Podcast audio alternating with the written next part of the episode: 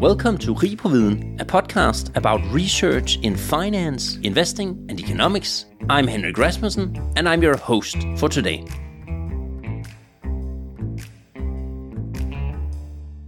We've made this episode with DFI, the Danish Finance Institute. DFI, supported by Finance Denmark, has a goal to build the world's best research environments of finance in Denmark and support the education of candidates for the financial sector. That's an agenda that we are very proud to support in Rig på Viden. You can read more on danishfinanceinstitute.dk.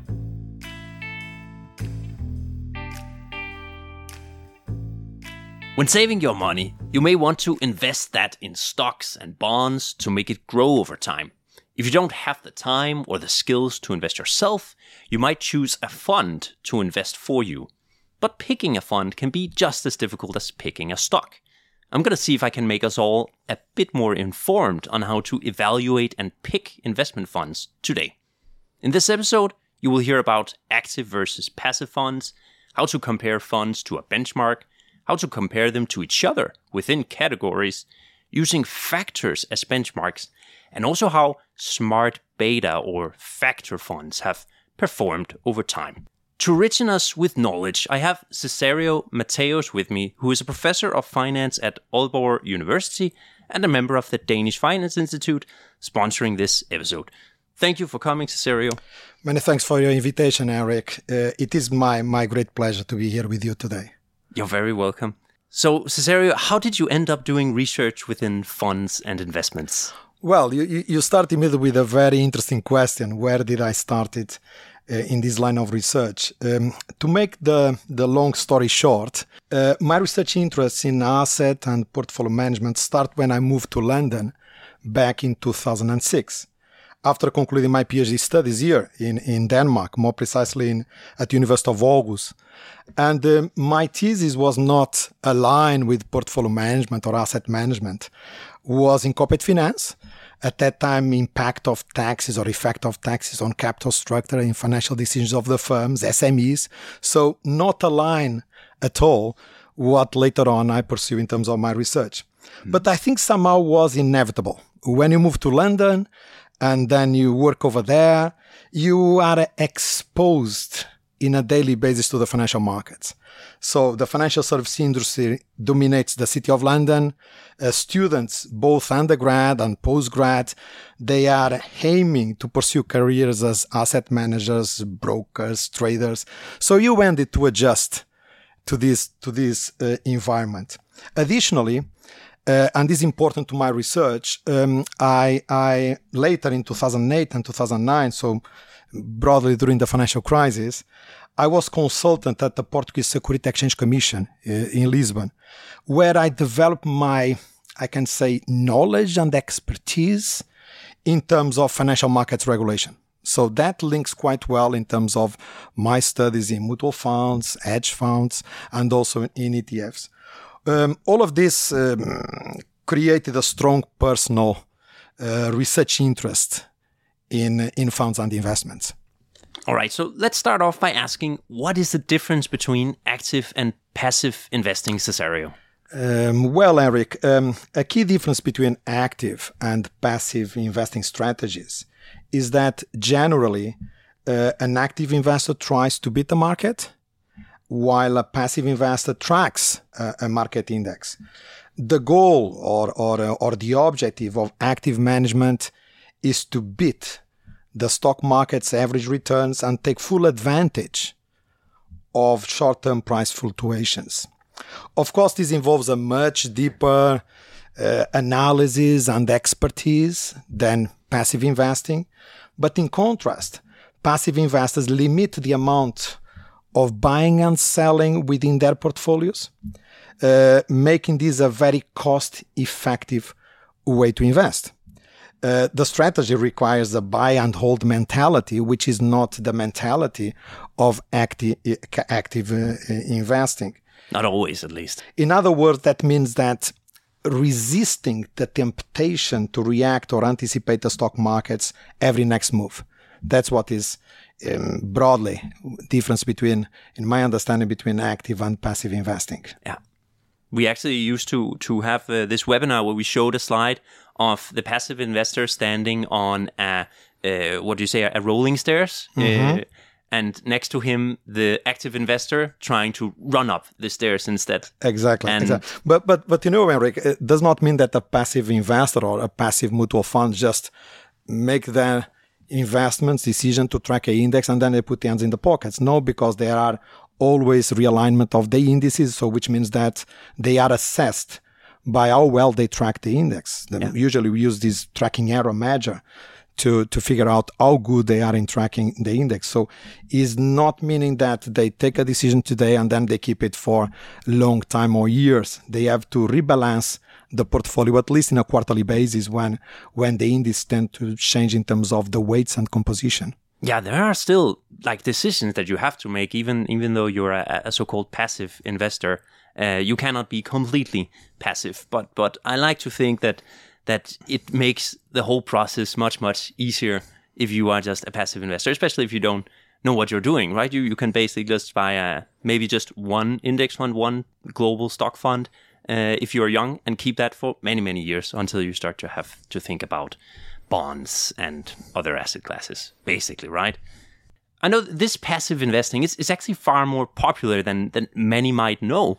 When, when it comes to US stock based funds, for example, uh, the passive funds actually surpassed the active funds three years ago. Why is passive so popular?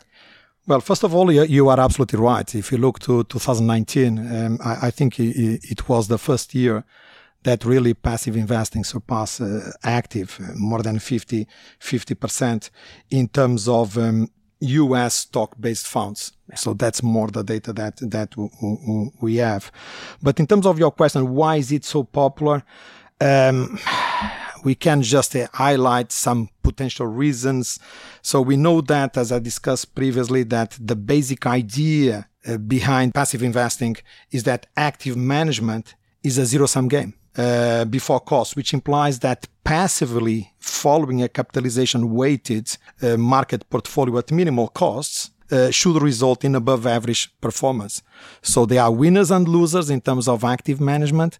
So which means that overall is a zero sum game. So after costs, passive could be or should be should be better. Uh, uh, additional to that, if you look to most, if not all, academic studies that discuss in terms of active and passive, they say that or they agree that mutual funds, active mutual funds, do not add value to the investors. And somehow uh, this is responsible as well uh, for this boom in passive in passive investing.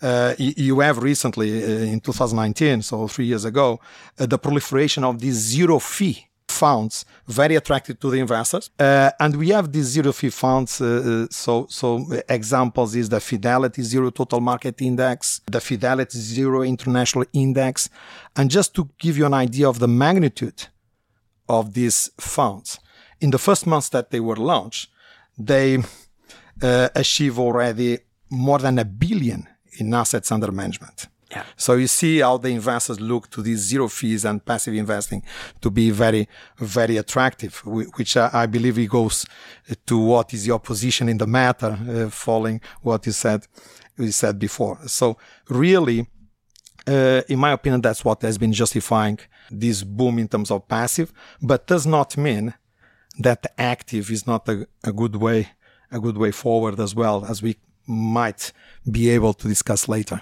Exactly. Yeah, like who doesn't like free stuff, right? And and these funds, passive funds, are almost free, and some of them actually are. I, also think there's some passive funds that actually pay you in in a short period uh, if you invest in their fund.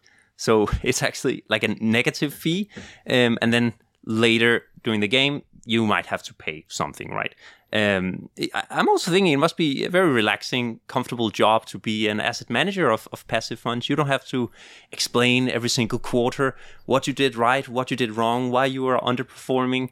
You can basically just say, well, I did my job. I performed exactly as the MSCI world did. Yeah, it's true, but I don't believe that the main firms and um, providers of this passive they are willing to hire so many people to run a passive fund you know i think that nowadays the technology that we have available will be much better trackers than uh, a professional that will do that yeah. so that's that's really one one shortcoming i think that when you move in terms of passive investing if you put yourself on the side of investor uh, do you really want to track when the market is down so that is what about inefficiency, inefficiencies of the market.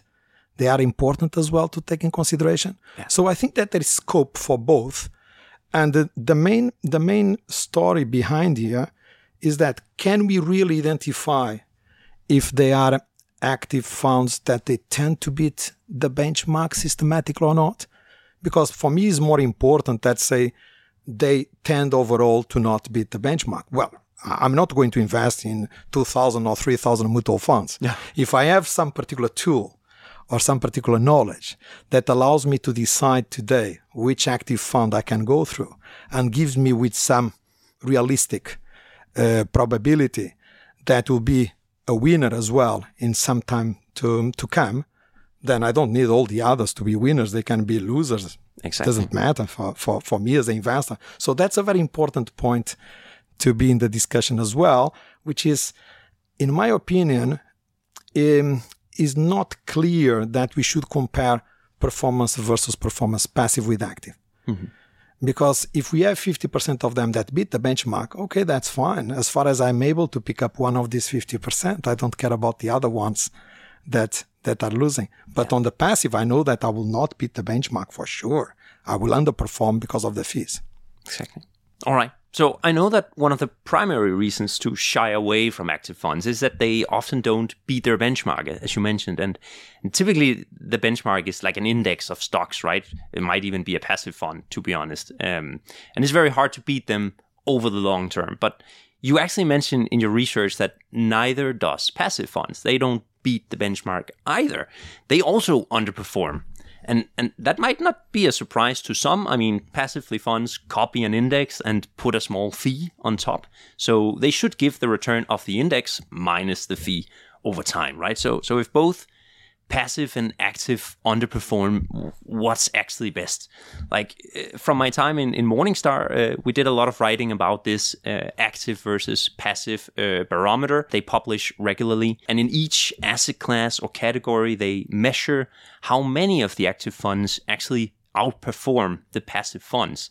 Very often less than half of the active funds beat the passive alternatives and sometimes it might only be between 20 and 40 percent uh, that manage to do so. And over the very long term, uh, even fewer of the funds outperform. So, so is that also the kind of results that you've seen when, when you have studied this field? The first one is uh, uh what is actually the best? I, I, think that everyone is asking that question around. And, you know, each time there is a discussion about active or passive investing, uh, it can turn into an intense debate because investors, asset and wealth managers tend to enthusiastically favor one strategy over the other.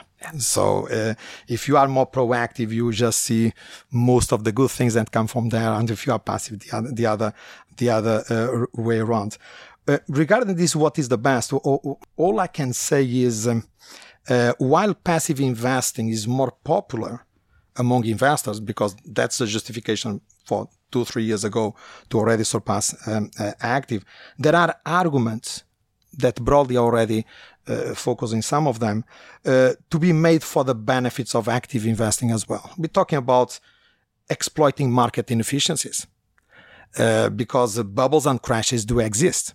So, which means that if you are in passive, you are not well, uh, willing to do so. Better resources allocation. So basically, if you are passive, you tend to deploy capital towards the biggest firms and not uh, probably the ones that generate the best returns.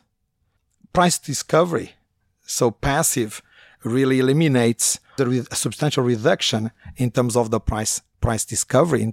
And most important is if you look this boom in passive, ironically, as more assets continue to flow into funds looking to replicate the benchmark, opportunities increase for truly active managers to exploit the market inefficiency it creates.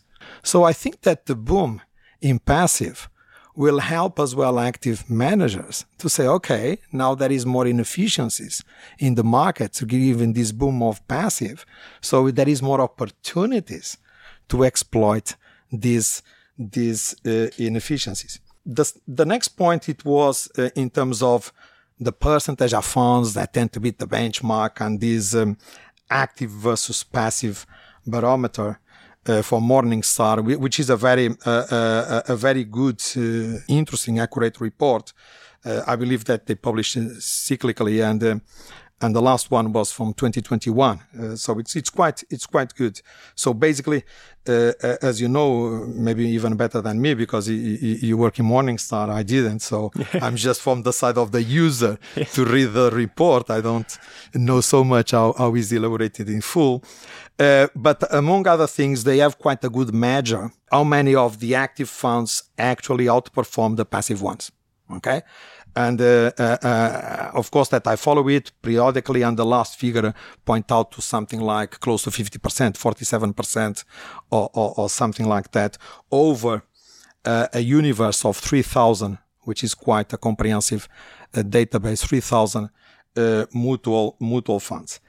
In terms of my research, um, I, I, I'm not really concerned in terms of establishing this link between how many active uh, mutual funds uh, will beat or not the benchmark.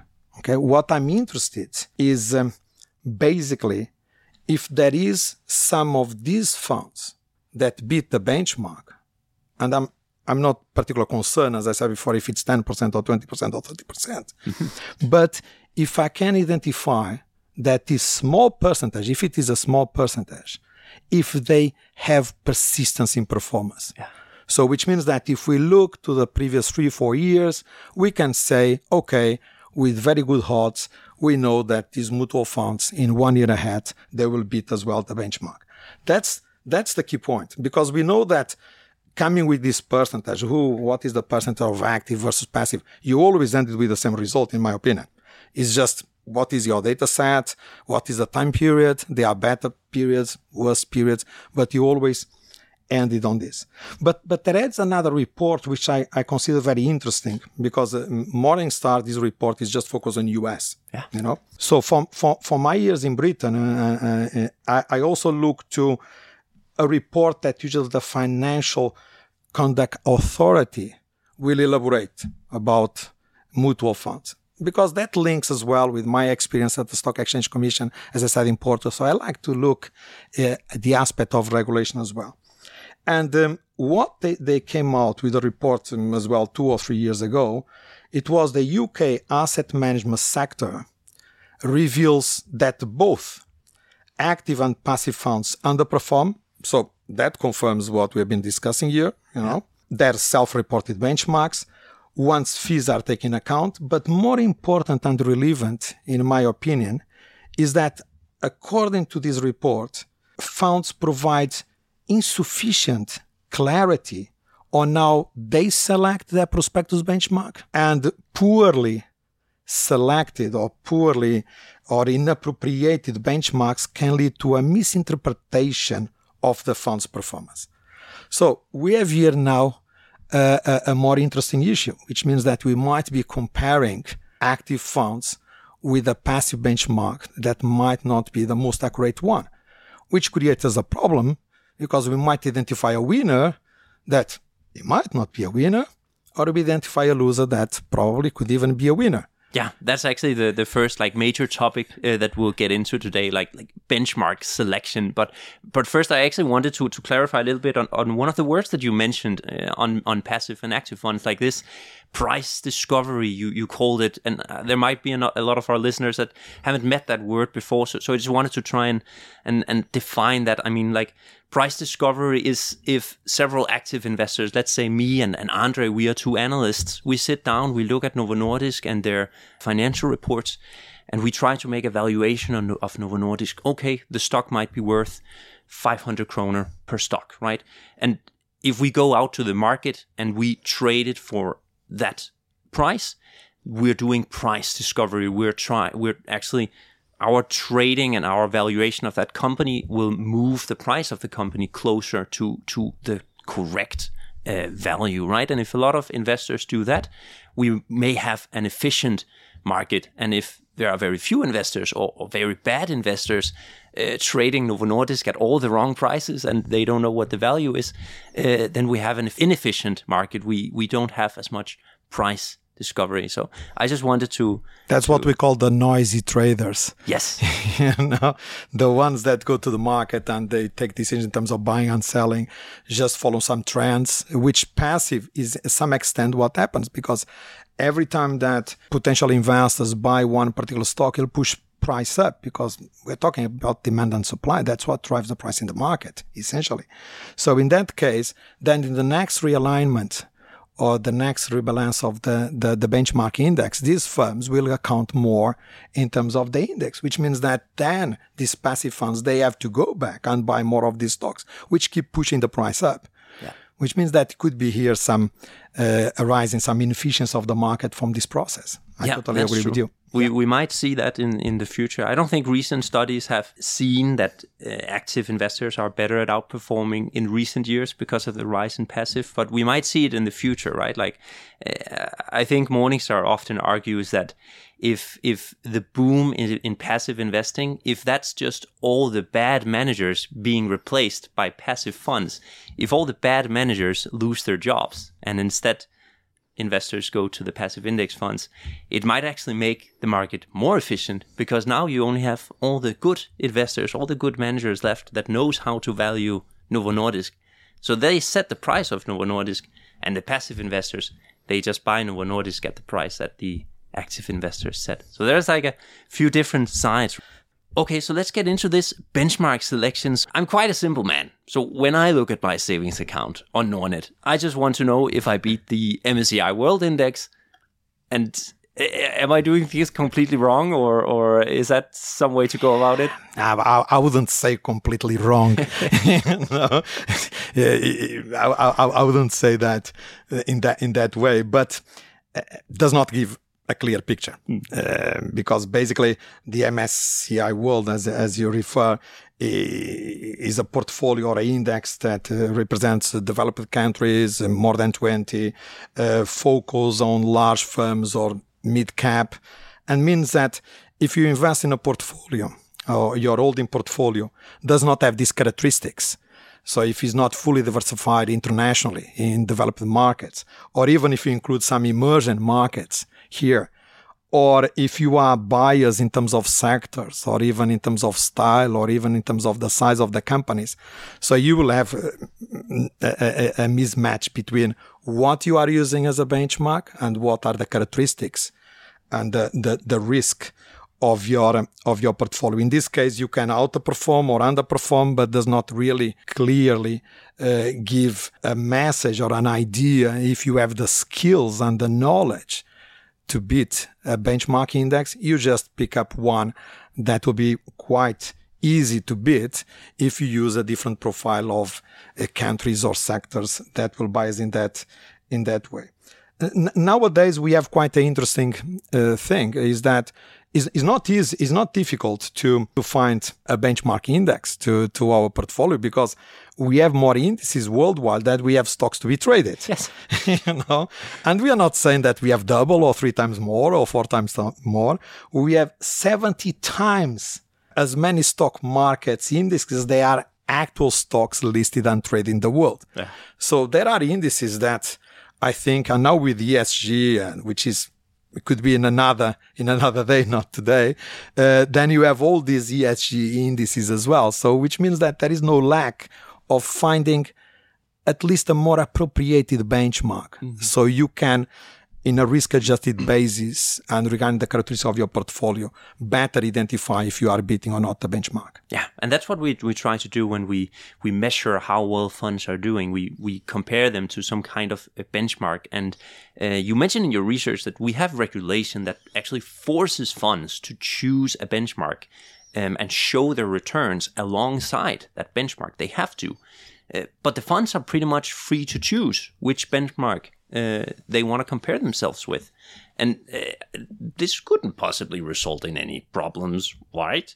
that's there's no doubts about about that. In fact, as as, as you refer, the Security Exchange Commission mm, all over the, all the world, and in particular in the US, require requires mutual funds to disclose their performance relative to a passive benchmark, and they even they even recommend that it could be a broad benchmark, but then they have to give a more specific, specific one. And is a free choice from the mutual funds to do that. So, which means that uh, the benchmark that they will choose uh, could bias the the information to to to the investor uh, regarding their prospectus benchmark. So, this prospectus benchmark defines an investment direction and the risk tolerance and should reflect the strategic role of the individual asset class in the fund. And we know by, um, by our research that is not all the time what, what happened. Does not mean that they do that by purpose, because you talk about mutual funds that they are being around for more than 30 years.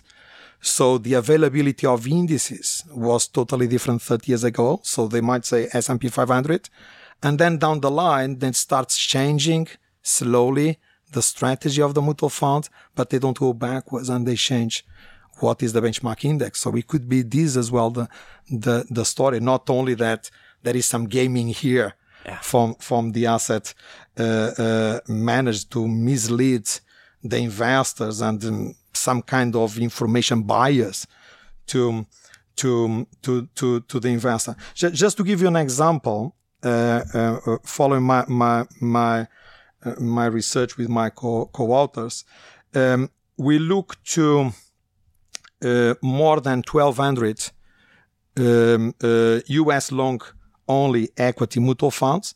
So from the same database that comes the report from Morningstar, yeah. but we we have some criteria in terms of the time period. So we end with less than that 3,000 that they have they have over there, and uh, we just look to the ones that they benchmark against S&P 500. So yeah. that was another reason why we reduced substantial, and we have 1200. So uh, okay. quite That's a lot. lot. using the yes, S&P 500. S&P 500. And we find that this inadequate prospectus benchmark selection will lead or could lead to overestimation of the fund performance and uh, could be subject of some gaming from the asset managers. The results are quite interesting, in my opinion, because we look to Morningstar global categories, which basically they go to the holdings of the mutual funds, they go to the risk profile, and they put in one particular box to say that's what should be characterized, characterize these, um, these mutual funds. And we find that look into that Morningstar um, global categories in two thirds of the of the funds, so from these 1200, were not well categorized as S&P 500. So you're not talking about 10%, you're not talking about 15%, you're talking two thirds of them. Wow. And if you adjust the benchmark according to what is a suitable benchmark following these Morningstar global categories, you see that 30% of funds that were identified as winners, they are not anymore winners. So that really could bias the information, could be misleading to the investors. And to me, and my co-authors is one of the reasons why we don't see performance persistence because we might be wrongly categorizing some funds as, as winners as they are not and then some period ahead you don't see that performance to happen again yeah if the benchmark is completely wrong the performance is more random right exactly. the consistency in your performance is not the same if you exactly. use the wrong benchmark Interesting. And as a conclusion, is it correct to say that investors should think twice before comparing funds to their own benchmark?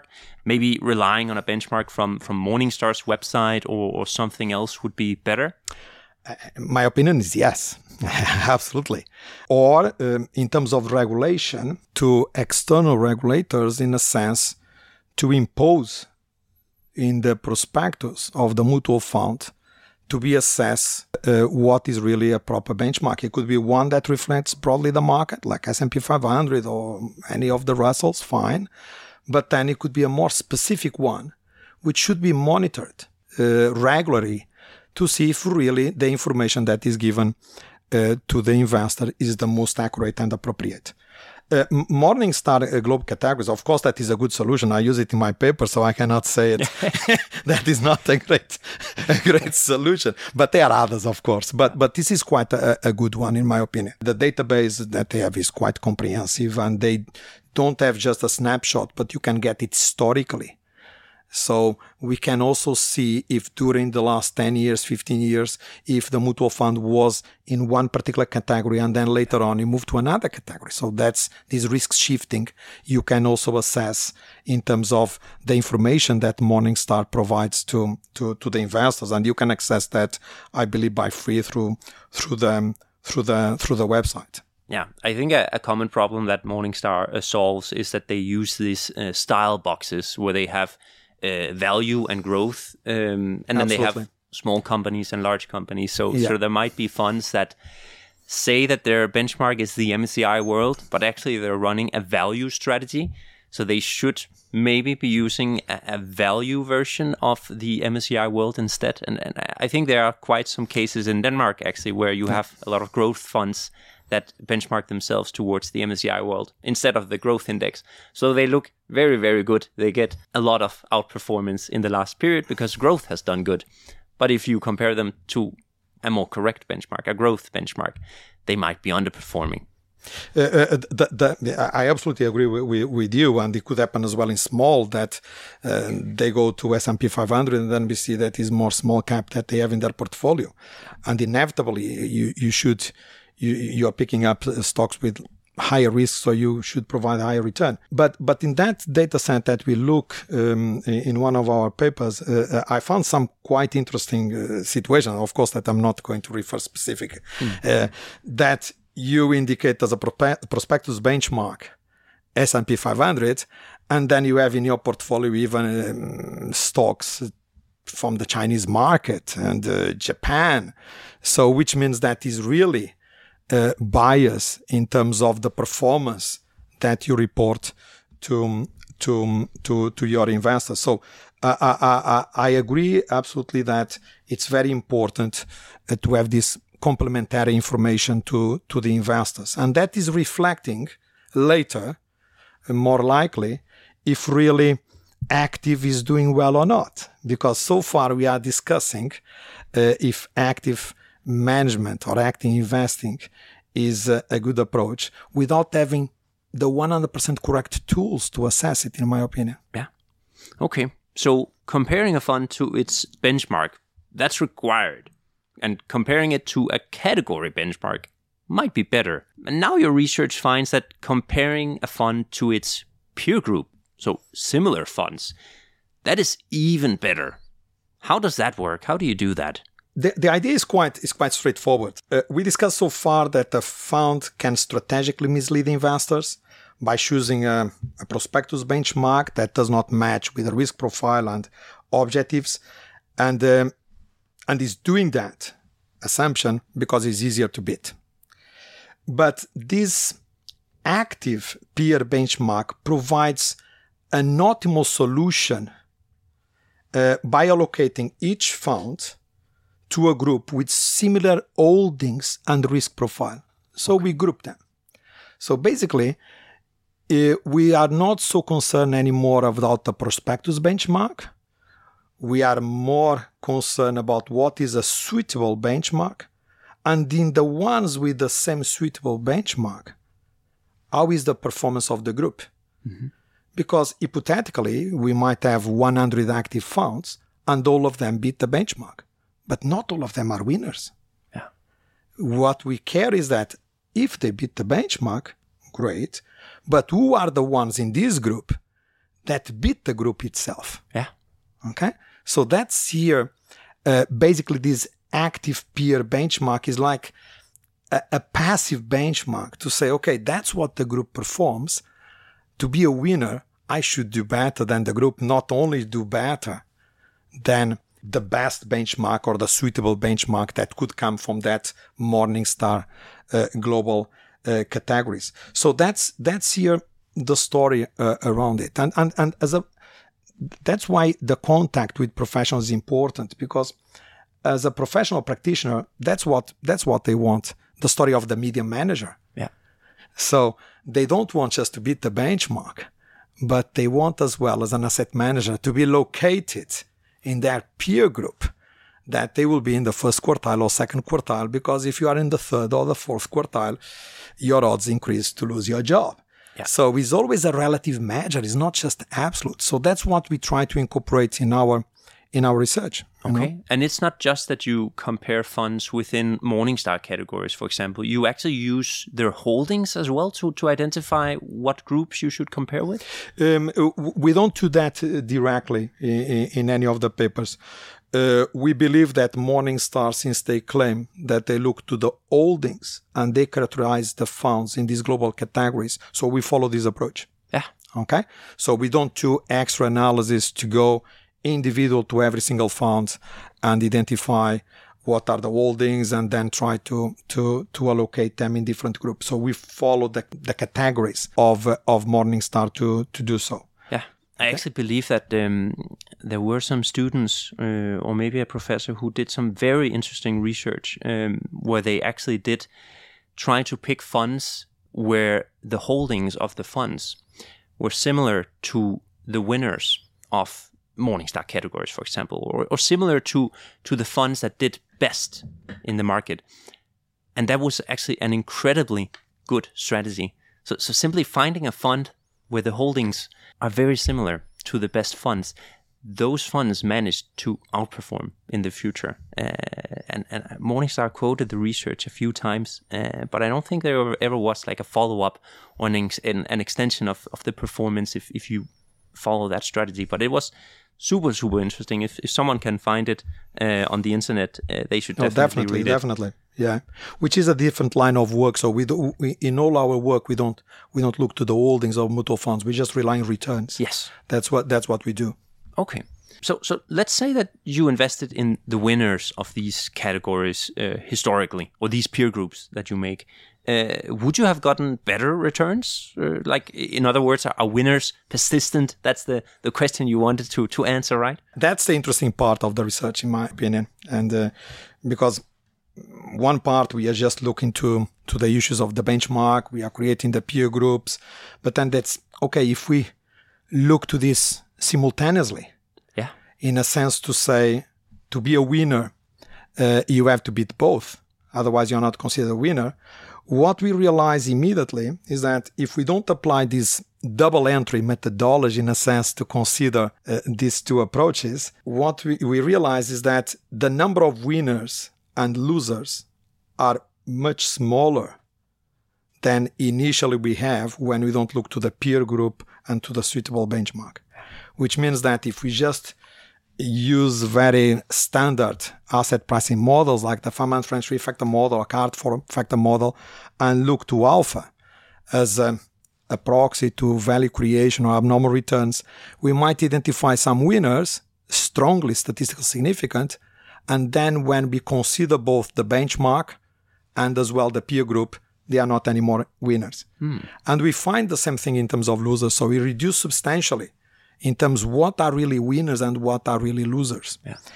And um, if we look just to these two small groups now, taking consideration uh, this double approach, we observe uh, performance persistence not only one year ahead in both cases, so to the winners and to the losers. So the losers keep losing and the winners keep doing doing better, but also more down the line. So we go until five years that we see this performance persistence. Okay. And, and we're talking about very interesting values because uh, if we look to the large value category, just as, as an example, you see on average a 50 basis points abnormal return.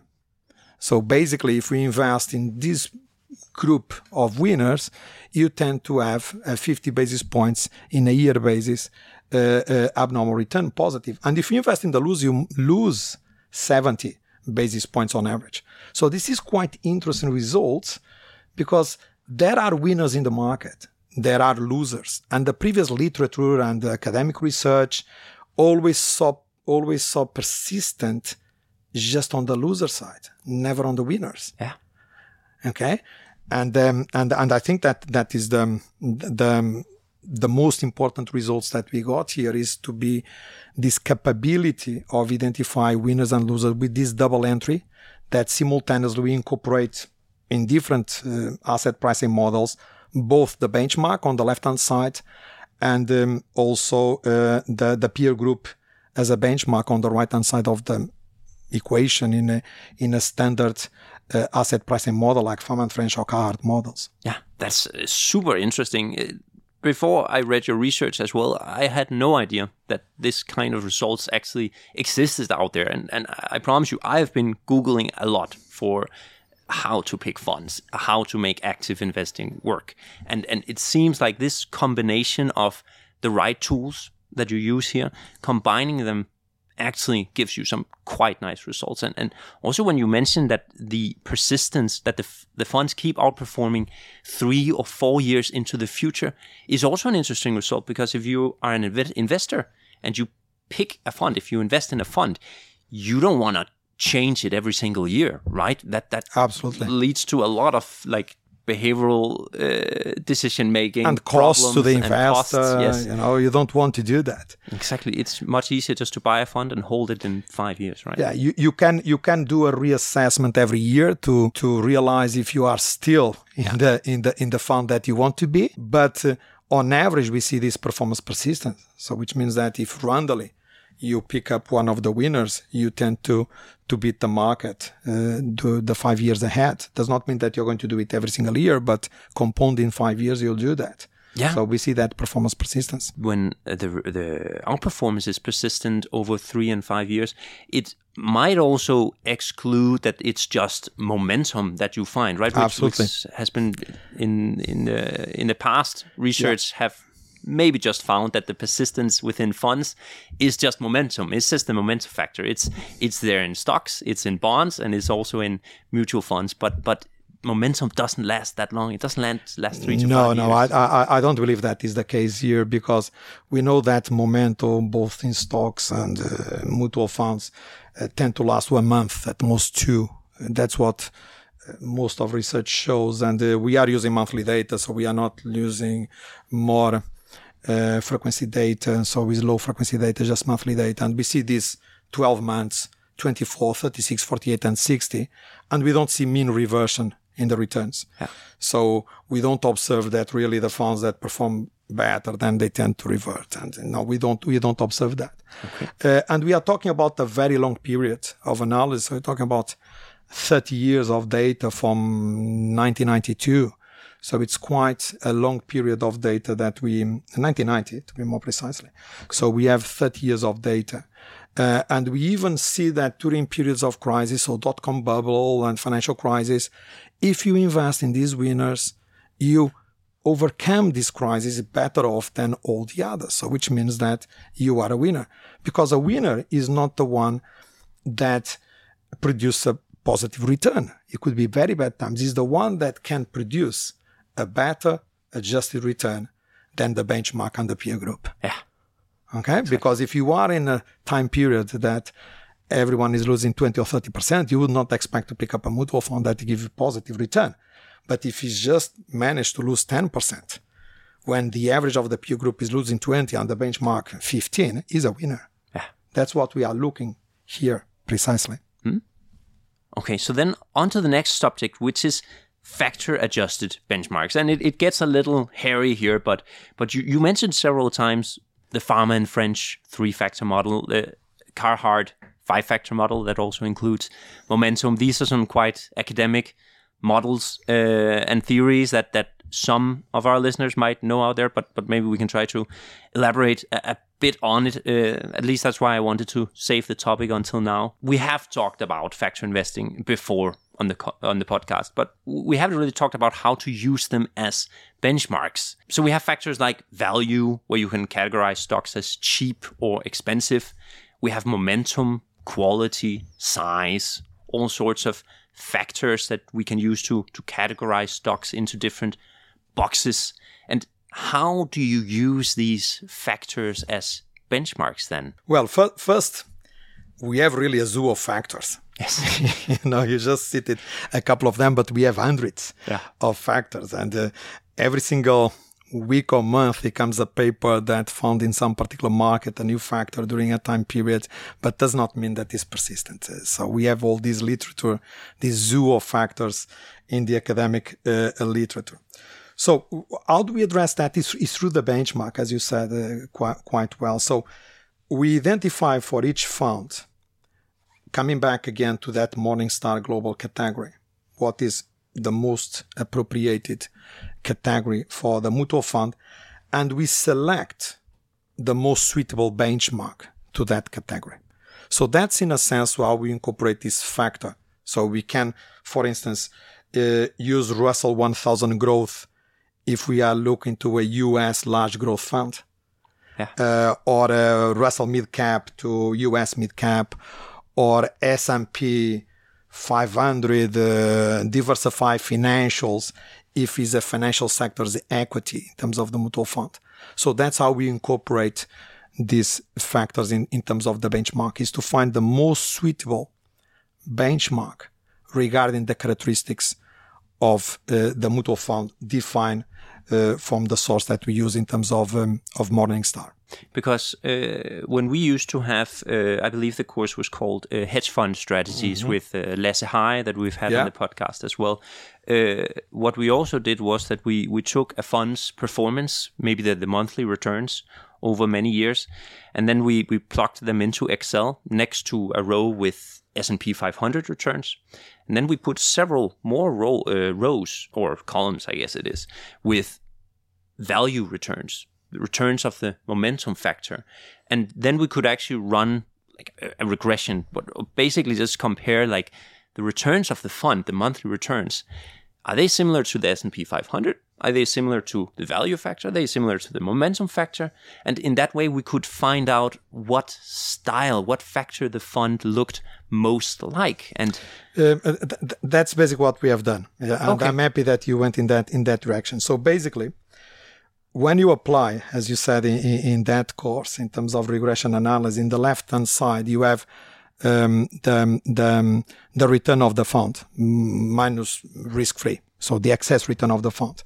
What we do in the left hand side is to not use the risk free, but use the return of the most suitable benchmark. So it's the return of the fund minus the return of the most suitable benchmark to that fund. Okay. So basically, it's already capturing how much is underperformance or underperformance in terms of the benchmark. On the right hand side, then we include the Fama French three factors and the Carhart momentum factor. Okay. So the betas, it does not show anymore what is the impact if value underperform growth in terms of the fund, but how much the fund is overweighting or underweighting the benchmark in terms of these styles. okay, so It's you like having two equations. yeah, That the first equation you have on the left hand side, the excess return of the benchmark. The second equation is the excess return of the mutual fund. And then you just subtract the two equations. So basically, the betas is going to tell you if the mutual fund is underweight or overweight in terms of these factors comparing with the benchmark. yes, So the alpha is more clean. yeah, yeah. Okay. That's an interesting way to do it. Yeah, the alpha is more clean. Yeah. And then if in the top of this, coming back what we discussed previously, if in the right hand side I also include the peer group, how much they deviate from the peer group, mm-hmm. the commonalities of the group. And the commonalities I look to the error term if I run for every single fund comparing with the peer group, how much they are diverging from the peer group. And if I include on the right hand side as an explanatory variable this way as well, I even have a better, I believe, clean alpha in terms of the assessment. Yeah. Okay, that's a super interesting. But I'm you very make. Eh, pleased. I'm very pleased that you, you you come with that example that allows me to to explain further. Yes, yes, what exactly. what we have done. Yeah, because w- then what, what you get when you when you use these excess returns, like in excess of the benchmark, what you'll see is that that every time the fund has a positive excess return, you can go and see in the momen- momentum row. Oh, did momentum also outperform in that month? Oh, yes, it did. And you can look at all the following months and then compare. That's a very very clean way mm-hmm. to like identify if the fund is overweighting momentum because then it should get an excess return Yeah, I believe so. in the Yeah. same periods that momentum does, right? Yeah, I believe so. Yeah. Okay, interesting. So yeah, basically using these factors actually makes our benchmark even better than what we've previously gone through. Then now that we're talking about uh, factors already, you, you actually sent me a study you did on factor funds. So these are funds that have a factor strategy and invest in value or momentum stocks, for example. And we keep talking about factors, so so they must be great, right? Uh, so so do these factor funds do they outperform and, and give investors a, a better return? I will say to you, in the study that you refer, yes. Okay, we found that some particular styles they outperform others during some periods that uh, could be driven by macroeconomic environment uh, or crisis that some styles do better than than the others. But but there is another study that i have with my co-authors that i think is even more interesting than this one because this one just basically shows as i said before that there are styles that perform better than others um, but we, we don't get so much um, more out of it the other study that that i have um, we analyze the relationship between risk shifting of mutual funds and their risk adjusted performance. What do I mean? wh- wh- What do I mean by by this? We observe that funds that shift investment style, which again go to the story that the benchmark not be the most accurate and appropriated because they change in terms of their investment style. They generate better risk adjusted performance than those that do not. Okay. So, which means that there is here a clear indication that some of the active managers over there they know what they are doing, because when they change the investment style of the fund, we observe that these funds tend to perform better than if they wouldn't have done so. Okay. So that's quite, in my opinion, a very interesting uh, uh, uh, result. And and also we see that goes to your to your question that the funds that are most successful in this risk shifting, they make shifts towards small value, large or growth. So they don't go to mid cap or blend is the ones that they were blend and then they decide to move to value or decide to move to growth. They were large blend, you know, benchmark S&P 500, everything fine. Mm-hmm. And then they decide to bias to value or to growth or even go to small blend. So this risk shifting, we identify that the ones that they shift, they really perform better than the ones that do not do so. Okay. So that goes the line to what you're saying. Uh, so the managers they change their style because they anticipate that some factors might do better than others. Yeah. So maybe some managers who knows how to do factor timing, although it's very difficult. I believe so. I believe so. Interesting. But in the in the study that, that I read, you you found that only forty percent of the factor funds they outperform their traditional uh, counterparts, uh, and, and I guess that's not a, a great result. Um, I'm not sure if it's a better result than the average active fund in general, the the forty percent. Um, the data might not be completely comparable to to the Morningstar data that, that I've looked at. Um, but but your research did show that, that there's some persistence among these uh, factor funds. So so winners keep winning and, and losers keep losing on on average. Or, or what? Uh, I, I think that th- the second part is the most important one because finding just 40% or finding 30 or, or 50% is not so relevant. What I want is to say we found some group of them and these ones we have performance persistence. Yeah. So again, is not the absolute value because there will always be funds that there will be losers Yeah. and there will always be funds that are winners. What I want is to identify them correctly. Yeah.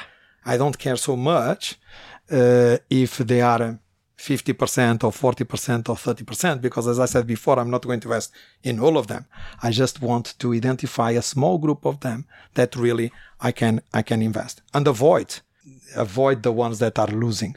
Yeah, and mathemat- mathematically, as you mentioned in the beginning, there has to be a lot of funds underperforming because it's a zero sum game, right? Exactly, exactly. Okay. Um, but this uh, persistence that you found in factor funds, was it one year into the future you had persistence or also on longer horizons? No, we, we found longer. We found until three years. Okay. okay. So we found 36 months. So basically, we use estimation of 36 months and then we look ahead for one, two, and three years, and we saw that performance persistence until until until three years. Okay. And that was without using this very advanced uh, double benchmark approach adjusted for factors or, or, or which methodology no it, wa- it was with the double entry because okay. that's here where you can really identify identify the winners because when we just use adjusted by the benchmark we just see pers- performance persistence one year ahead oh, okay. which might be the paper that you are referring to yes i think so. yeah uh, so we just see one year ahead but then when we incorporate the peer group and simultaneously look to the alpha addressing both the suitable benchmark and as well the peer group so we can go longer in the future. So we see this performance persistence until five years not three until five years. So that will create really value in terms of the of the analysis definitely.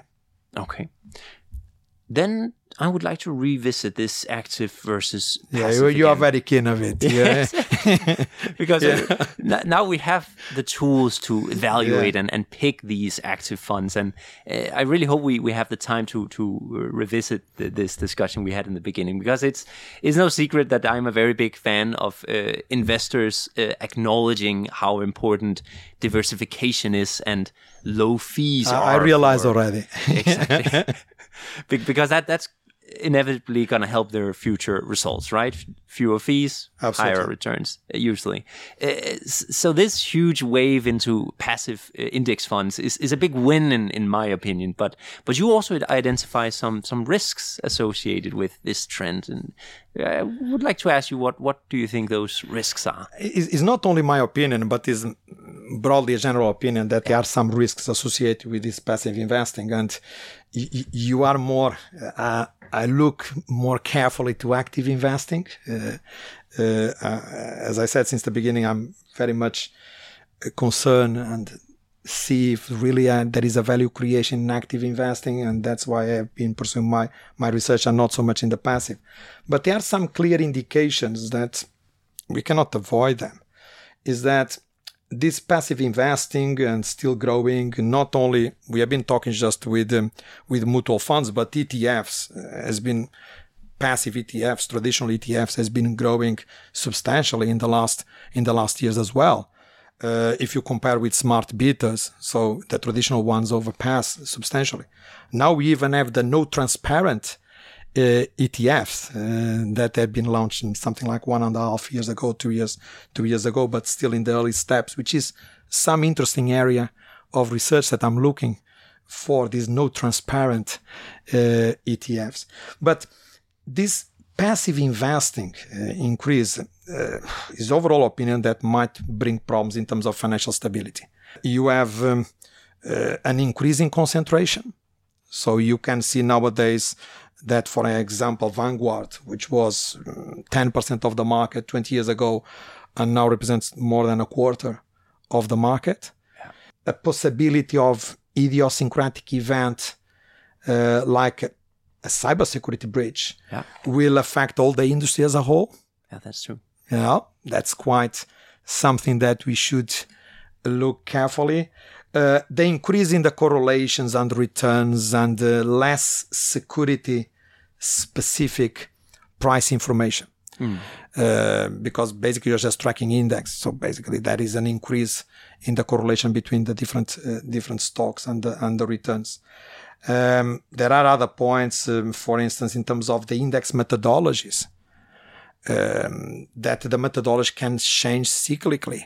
So which means uh, that will create problems in terms as well of passive investing if there is a change in the methodology. Just to give you, just to give you an example, if you uh, uh and and um, uh, I think that some of people that will be listening to us, uh, S&P 500 changed at least eight times the ones that I counted.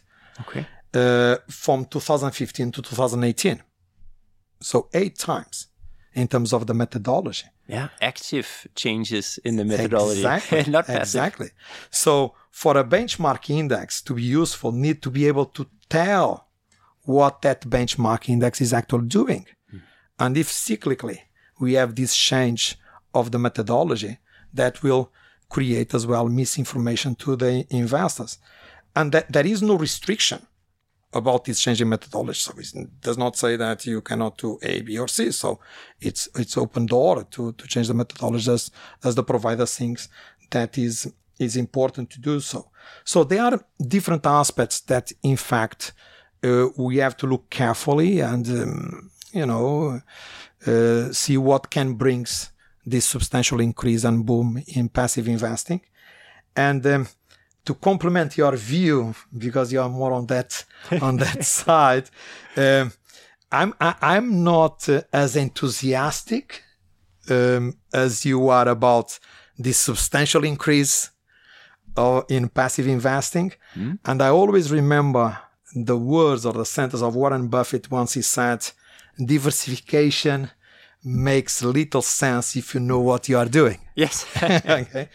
But I'm not saying with this that all active portfolio managers they know and they have the skills and the knowledge of what they are doing. Yeah.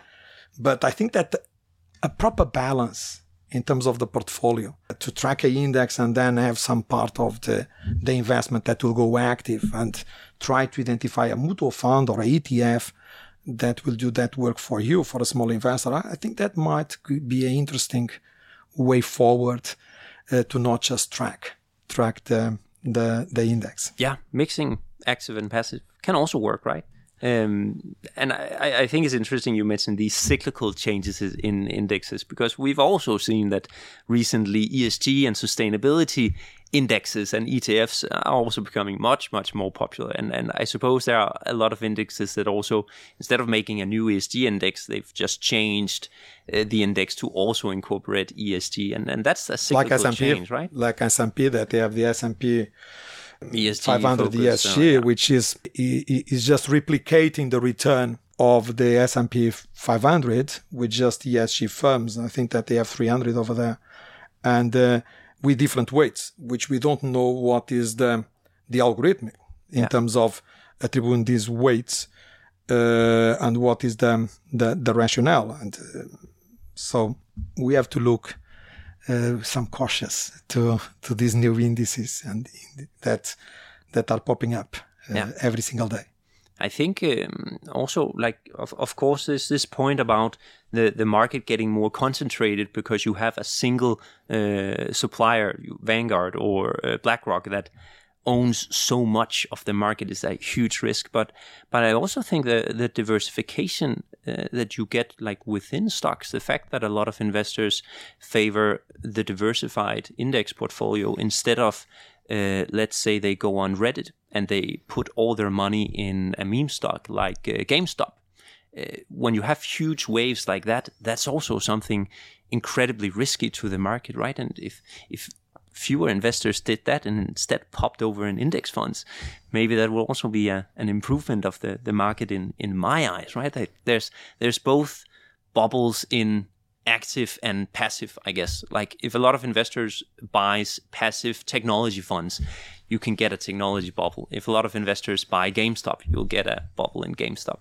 And passive affect- investing also attracts more investors, which means that uh, that's good uh, because these lower fees and if you are a small investor you have what 5000 pounds you, you, don't accept so easily that you are going to pay 3 or 4% of in fees yeah. And uh, if they say to you that is almost marginal the fee you might say why not uh, and i invest in the market so passive is is good as well i'm not saying the other way around but there is scope to active yeah. there is scope to you to as an investor to achieve a very or more interesting return by part of your portfolio. You don't have to take decisions. You don't select ABC in terms of stocks.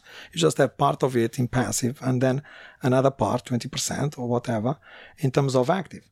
But our story here in the research that I've been pursuing the last three or four years in this area is try to see if really there is winners over there. Yeah. Because if it's 50 50, you know so we have winners and losers and we are just betting if we are in the correct one, and if we don't see performance persistence, that will change dramatically all the story. And then you might go to passive. And I think that what the investors have been doing is because they don't believe that really by putting their money in that particular fund in the long period of five, six, seven years, they can beat the market. Yeah. So that's the, the, the story around it. Hopefully, uh, our research will will help in changing somehow uh, this this mind. There are, there are winners in the market. Yeah, yeah. It's the goal is to to help investors make better decisions, right? Have better tools to pick the good funds so they can get these excess returns. Um, actually, our one of our listeners uh, sent us a very interesting uh, question yesterday. Uh, okay. in fact, Okay. about exactly this uh, subject. He read some research from uh, research affiliates um, on when new stocks have to get included in an index like the Yeah. S&P 500 or is excluded. Uh, you have some quite interesting dynamics because new stocks that are included in the index they usually do quite bad after Yeah. being included and the opposite if a stock is taken out of the index it does very well Yeah. and and you can exploit this that as an active investor right and it hurts the passive investors who who sits in these index funds And and, and the, the story is very interesting. I, I, I think that you, you, you might know that um, we run international virtual research seminars in finance uh, with different academics that virtually they present their papers. So uh, in Aalborg, we are able this way to, in a sense, to expose uh, the researchers to what is done worldwide because uh, it would be difficult to invite uh, some research to come to Aalborg to just present a paper. We are a small group. So in that sense, we are able to pick up um, colleagues from the US, from the rest of Europe that virtually they present their papers. And recently, I think it was Anna Pavlova that she presents, uh, uh, I, I, if, if I'm wrong, my, my apologies, a work in that, in that, in that, in that area, which basically the rationale here is to say, okay, you are underperforming. You are not doing well in S&P 500. You are dropout. But then you are dropout and you become one of the largest firms in the in the other index, which means that passive investors and passive funds they have to overweight in their portfolios now that stock. ah that's Okay? Because basically they will push in terms of the demand. So the price will go up. That's the problem about passive that we have been discussing, is that you don't take decisions. It has been this stock just dropped from S&P 500 to, you know, uh, other uh, minor index. And now in the S&P 500 was just 0.05% of the index. And now it becomes a large and very important stock. So they have to overweight they have to go to the market and buy it. So that's why we see abnormal return from these ones that are dropping. And the other situation happens if you are push up. uh-huh. Okay. So that, that, that's the rationale uh, behind it. Uh, as far as I recall, the paper that was presented, uh, uh, that I found it very interesting, the, the, the story in particular, because at some extent, it goes in the direction that I, I, have been claiming uh, that passive uh, can create this uh, bias in terms of price discovery. Yeah. So the company is not doing well, and now you have to buy more of it. Yeah, and you also have with Tesla, for example, when they had to be included in the S and P 500 one or, or two years ago, where you know that the methodology of the S and P 500 has to include Tesla when it reaches a certain size, and also has, I believe, profits in is it three or four quarters in a row. So investors knew that the S and P and all the passive investors had to buy Tesla suddenly, so they could Absolutely. speculate the price up. Right, they could bid the price up. So all the index investors were supposed to. Market inefficiencies. Yeah, exactly, exactly. And uh, I actually, I don't remember what happened. I, I believe Tesla went on to perform quite well even Yeah. after being included in the index. So, so the theory didn't quite work out there. But, but basically, active investors can do that, right? They can identify which stocks are going to be included in an index, try to to uh, use that inefficiency. Absolutely, absolutely. But uh, uh, as we discussed and agreed, uh, I think there's scope for both. You know, and uh, you just have to be aware what are the advantages and shortcomings in going one direction or the other. Uh, you have to be fully aware and be in possession of the most reliable information. and that's why we start our discussion here today is basically we don't have at some extent the most reliable information all the time starting with the benchmarks and so on. So it's important to have this this information. Then the investor knows which type of risk is taken and if he's unsuccessful he has to bear it you know because he took a conscious decision about what to do. So basically, we've covered a lot of stuff today. I hope that our listeners sat down and listened to it until the end because we've actually gone over, I think, five or six articles where normally we just cover one. And we've done it in a bit, little bit more than an hour. So I, I think we've uh, we've been quite efficient as well just like the index funds. Yeah, thank you. Thank you very much, Henrik. It, it, it, was my great pleasure to be uh, with you today, you know, and it was a very, very nice uh, discussion. And I'm looking forward to another opportunity in the future to revisit the topic following more recent research. Thank you very much. So are we. Thank you for coming. Thank you for listening to Rig på Viden. I hope you learned something.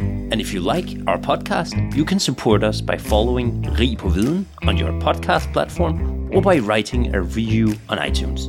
On LinkedIn, you can follow Andre Thorman, Benjamin Somofen, or Henrik Fode Rasmussen. Take care.